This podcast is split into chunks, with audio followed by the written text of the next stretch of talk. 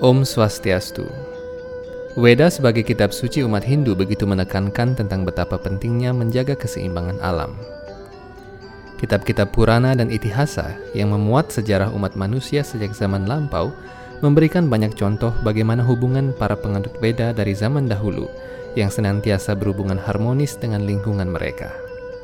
Hal ini dilakukan bukan tanpa alasan. Dengan menjaga keseimbangan alam beserta isinya, maka kesempatan umat manusia untuk berbakti kepada Tuhan akan menjadi semakin besar dan semakin mudah. Dari dasar pemikiran inilah, konsep Trihita Karana lahir dari buah pemikiran leluhur Hindu. Dari Trihita Karana, buah lain yang disebut Satkertih tumbuh, yang sederhananya adalah perluasan atau realisasi Trihita Karana itu sendiri dalam hubungan langsung dengan alam dan manusia. Sebelum Anda menonton video ini lebih lanjut, kami mengundang Anda untuk berlangganan konten-konten video terbaru kami dengan cara mengklik tombol subscribe di bagian bawah video dan aktifkan tanda lonceng notifikasi agar Anda tidak melewatkan video-video terbaru dari kami. Anda juga dapat berpartisipasi aktif dalam menambah dan mengembangkan konten kami dengan cara mengajukan pertanyaan lewat kolom komentar ataupun melalui direct message di official Instagram kami di hindutimes.id.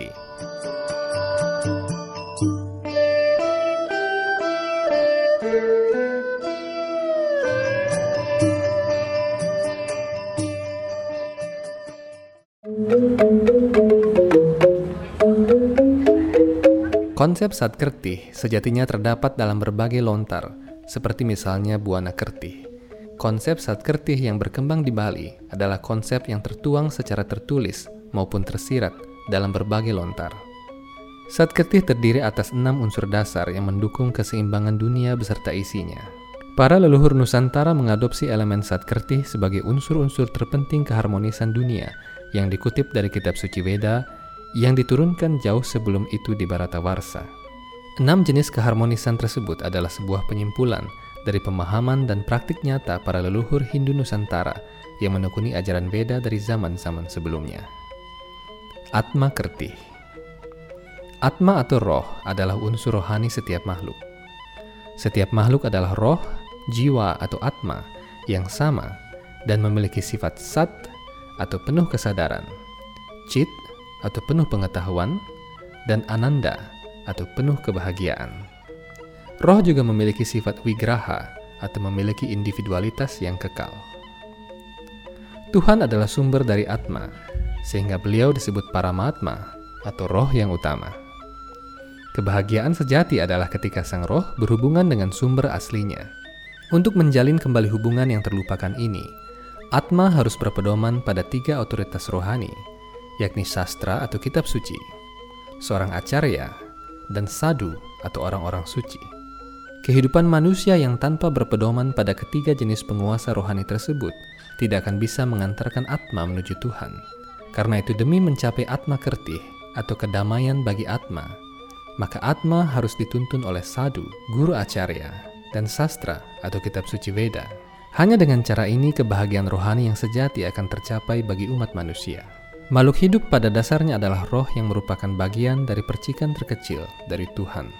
Jadi Atma Kertih mengandung arti bahwa setiap makhluk hidup sejatinya adalah bahagia karena merupakan bagian percikan rohani dari Tuhan atau para Mahatma.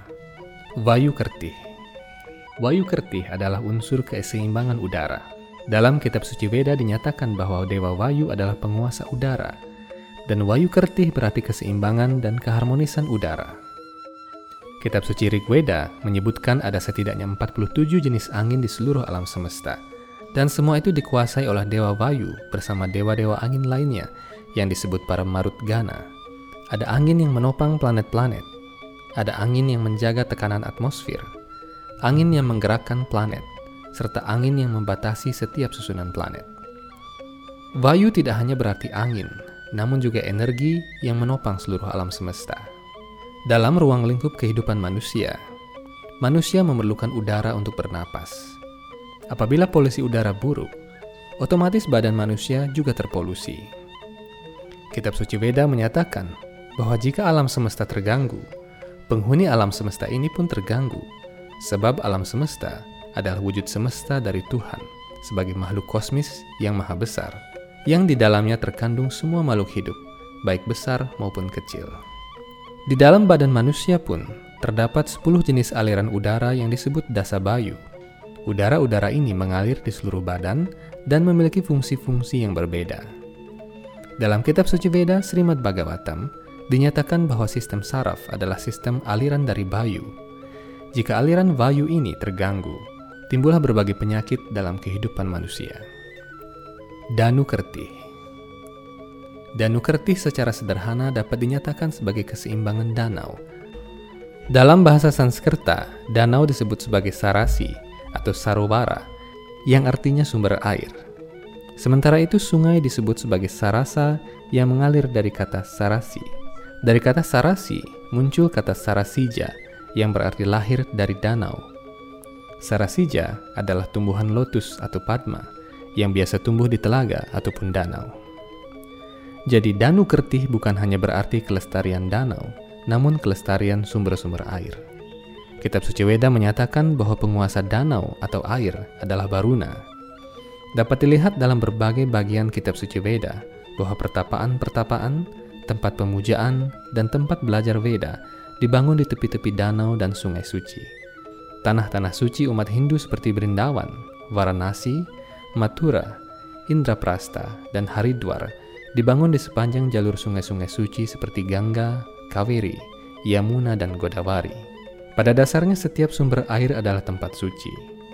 Masyarakat Hindu di Bali khususnya membangun pura hulun danu di sumber-sumber air untuk menegaskan bahwa sumber air adalah tempat suci dan harus dijaga kelestarian dan kesuciannya. Karena itu tidak salah bahwa agama Veda atau Hindu kadang disebut sebagai agama Tirta karena dalam setiap upacara sucinya, air adalah salah satu unsur yang paling penting. Dalam kitab suci Veda pun, Tuhan Sri Krishna disebut sebagai Tirta Nata, penguasa semua tempat suci. Karena itu tempat suci disebut sebagai Tirta dalam Veda, dan perjalanan mengunjungi tempat-tempat suci dikenal sebagai Tirta Yatra. Sagara Kerti Sungai bermuara di lautan yang juga dikuasai oleh Dewa Varuna Kitab suci Veda menyatakan bahwa lautan adalah sumber obat-obatan, mineral, dan sebagai penyeimbang debit air. Karena itu lautan disebut juga dengan kata nidi atau sumber harta karun. Banyak upacara penyucian dilaksanakan di tepi lautan karena lautan mengandung air sungai Gangga yang suci.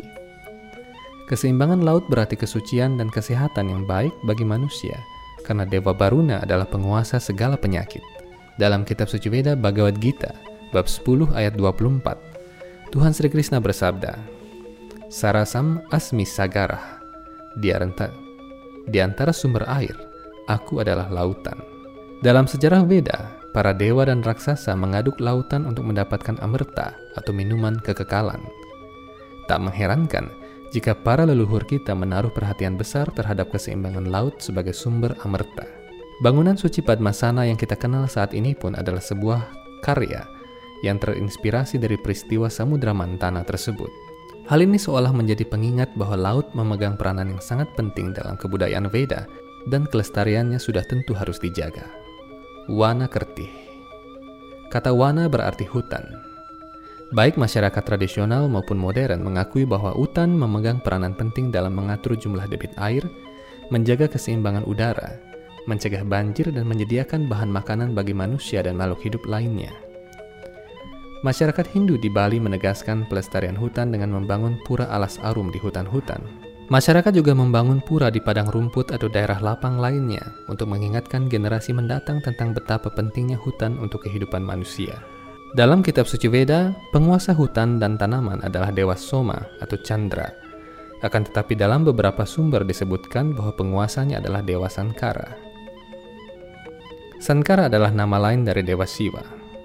Dewa Siwa juga disebut dengan Chandra Shikara karena Dewa Bulan atau Soma berada di kening Dewa Siwa. Dalam kitab suci Veda Bhagavad Gita, Tuhan Sri Krishna bersabda, Pushnami Chausadhe Sarva Somobuhutva Rasatmaka, yang artinya, Aku menjadi bulan dan menyediakan sari kehidupan bagi segala jenis sayuran dan tanaman. Oleh karena itu menurut Veda, tumbuhan tidak hanya perlu sinar matahari, namun juga sinar bulan karena sinar bulan memberikan rasa lezat pada sayuran dan buah-buahan. Oleh karena itu orang Bali mengaitkan tumpak pengatag atau tumpak bubuh dengan bulan. Jagat Kertih Jika kelima unsur sebelumnya menjadi seimbang dan terjaga, akan muncul unsur keseimbangan terakhir, yaitu keseimbangan dunia. Keseimbangan dunia atau jagat berarti keseimbangan semua unsur dalam alam semesta ini.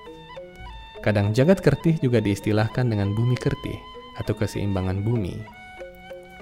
Bumi adalah tempat berpijak manusia, dan jika tempat berpijak tidak seimbang dan harmonis, kehidupan manusia menjadi kacau. Bencana-bencana alam yang terjadi adalah karena manusia tidak dapat menjaga keseimbangan bumi. Keenam unsur keseimbangan tersebut harus terus-menerus dijaga dan dikembangkan. Keenam unsur tersebut tidak dapat dipisahkan satu dengan lainnya. Sebagai contoh, jika atma kertih atau keseimbangan karakter rohani dalam setiap makhluk tidak diperhatikan, keseimbangan alam dan hubungan dengan Tuhan pun tidak akan terjaga. Sadkerti adalah konsep luhur yang telah dicanangkan dan diterapkan oleh leluhur Nusantara dengan hasil yang gemilang. Karena penerapan konsep Sadkerti ini, generasi di masa modern ini dapat menikmati kekayaan alam yang melimpah. Akan tetapi jika pembangunan modern tidak berwawasan Sadkerti, berwawasan lingkungan dan rohani, maka keseimbangan, keharmonisan, kedamaian, kesejahteraan, serta kesucian tidak akan tercapai. Konsep Satkerti dapat menjadi salah satu tolok ukur pembangunan Nusantara di masa yang akan datang, baik dari segi material maupun rohani. Dengan berwawasan Satkerti, pembangunan Nusantara dapat menjadi contoh pembangunan berwawasan lingkungan, kemanusiaan, dan ketuhanan yang syarat akan nilai-nilai rohani. Sekian episode kali ini. Sampai bertemu di episode-episode selanjutnya dengan butiran mutiara-mutiara suci Weda lainnya yang senantiasa memberikan kemurnian di keruhnya atmosfer zaman Kali Yuga. Om Santi Santi Santi Om. ರಜದಲಾತ್ ಅಧಿಕ ಮೃದುಲ ಪದ ನಿಕಟ ತರಂಗೋ ನೃತ್ತಕ ತಕತೈ ತಕತ ತಕ ಅಧಿಕ ಮೃದುಲ ಪದ ನಿಕಟ ತರಂಗೋ ನೃತ್ತಕ ತಕತೈ కదా దేనిది తెయ్య తక్కదా కిటనక జగదృగు జగనంతం తకనక నక జగదృగు జగనంతం తకనక జగదృగు జగనంతం తకన